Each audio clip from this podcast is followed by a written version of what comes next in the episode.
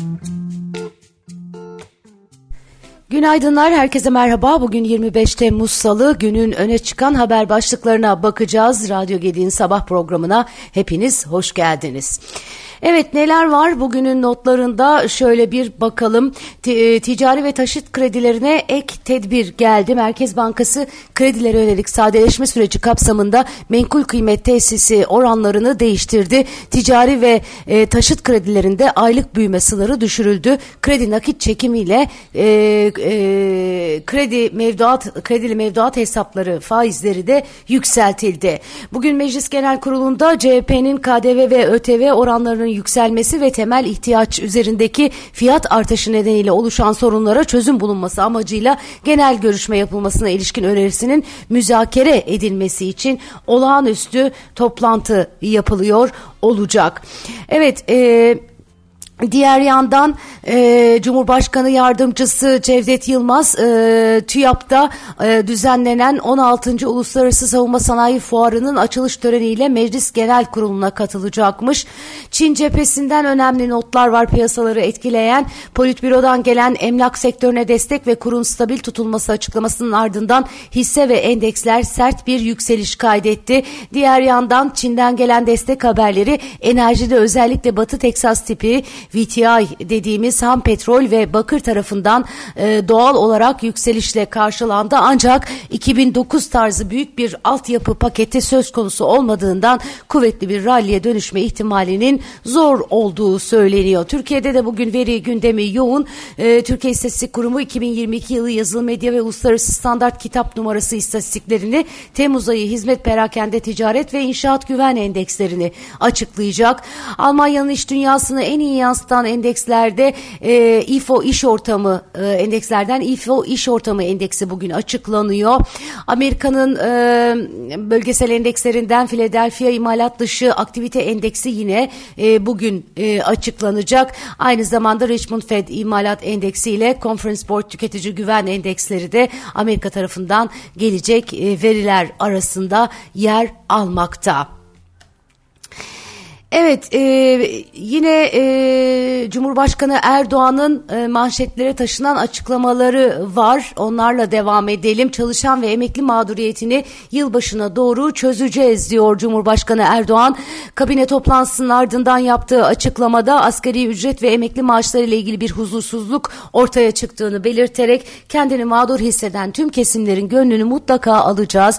Bunu da çok gecikmeden yılbaşı civarı neticeye ulaştırmayı planlıyoruz ediyoruz diye konuştu. Erdoğan stokçuluk ve barınma sorununa ilişkin de bazı değerlendirmeler yapmış. Diyor ki Ticaret Bakanlığımız otomobil piyasasında görülen stokçuluğun önüne geçmek için denetimlerini arttırdı. Kira fiyatları ile ilgili ne gibi adımlar atacağımızla ilgili değerlendirmelerimiz sürüyor. Allah'ın izniyle enflasyon başta olmak üzere ekonomik sıkıntıların üstesinden geleceğiz diye konuşmuş.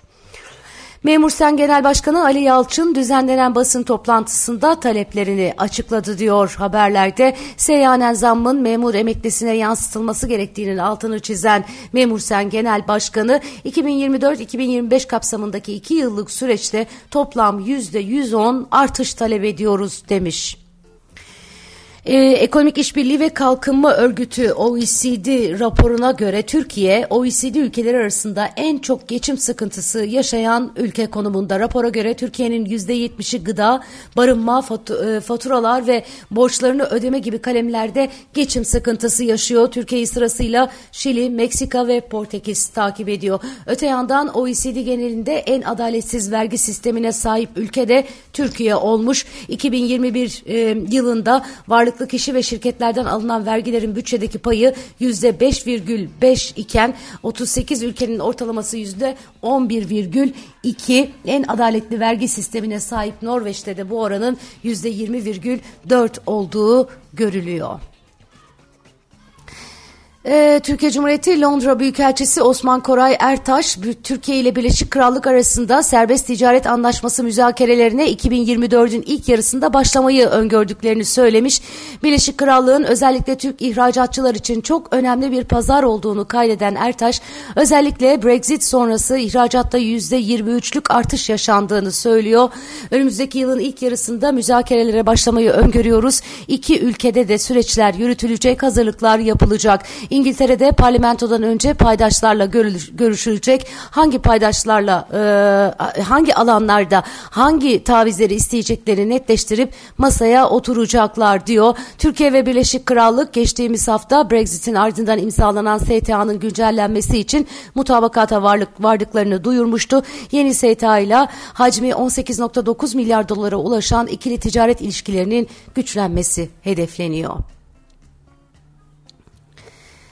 İsrail'de tartışmalı yargı reformu kabul edildi. Başbakan Benjamin Netanyahu öncülüğündeki koalisyonun ne, yüksek mahkemenin hükümet üzerindeki denetimini kaldıracak yasa tasarısı parlamentoda yapılan oylamayla kabul edildi. İsrail Adalet Bakanı Yariv Levin'in 5 Ocak'ta duyurduğu yargı reformu yüksek mahkemenin yetkilerini sınırlandırma ve iktidarın yargı atamalarında söz sahibi olması gibi değişiklikler içeriyor. Başbakan Netanyahu 27 Mart'ta ülke çapında giderek artan kitlesel kitlesel protestolara ve grevlere neden olan e, yargı düzenlemesini ertelediğini açıklamış. Ancak 2023-2024 bütçesinin Mayıs sonunda meclisten geçmesinin ardından yargı düzenlemesini tekrar gündeme getireceklerini duyurmuştu.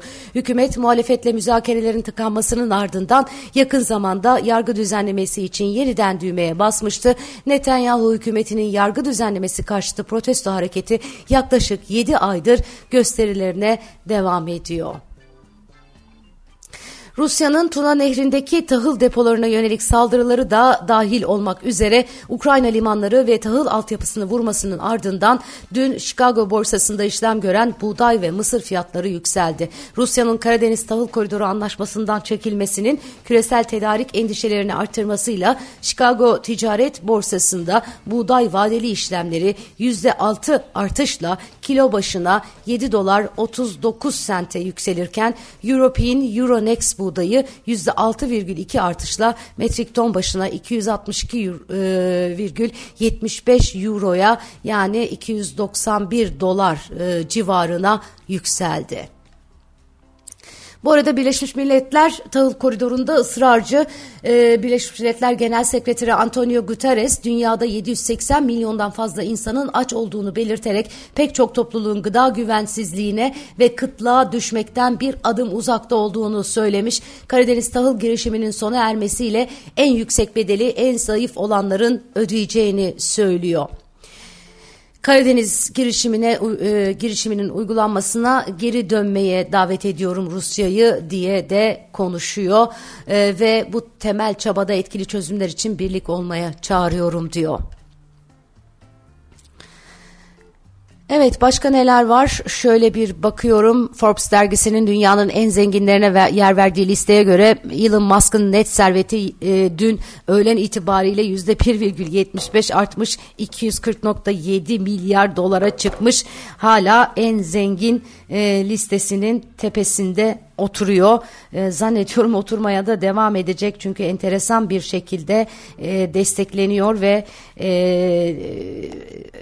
Elon Musk e, fırtınası e, esiyor adeta baktığınız zaman. Son olarak Merkez Bankası'nın bankaların günlük reskont kredisi limitini 5 kat artışla 1,5 milyar TL'ye çıkardığını görüyoruz. %30 ilave döviz satış şartını ve önden döviz satış şartı gibi kriterleri kaldırması ihracatçının yüzünü güldürdü diyor haberler. Bunu rasyonelleşme adımı olarak gören ihracatçılar özellikle döviz satış şartının kaldırılmasının ithalat ihtiyacı olan firmalara üretimde nefes aldıracağına dikkat çekmişler. Bu da bugün manşetler içerisinde e, üst sıralarda yer alıyor.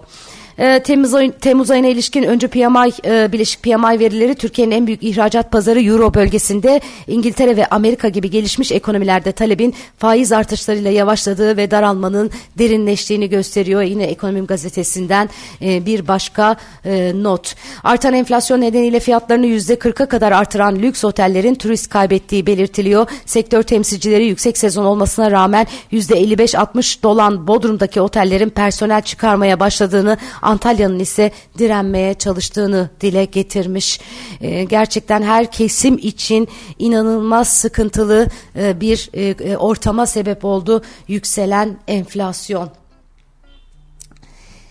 Evet, bugünün notları özetle böyle sevgili arkadaşlar. Yine havalar sıcak olmaya devam ediyor. Özellikle e, Perşembeye dikkat diyor meteoroloji. Çarşamba diyordu, şimdi Perşembe demişler.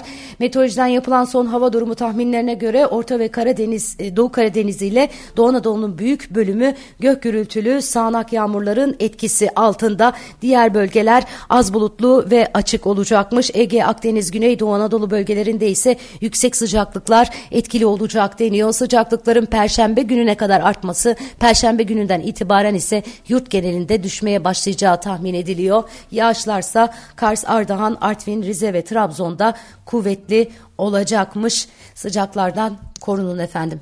Evet güzel bir gün diliyorum herkese. Radyo Gedik'ten ayrılmayın. Yarın sabah yine aynı saatte buluşmak üzere. Hoşçakalın.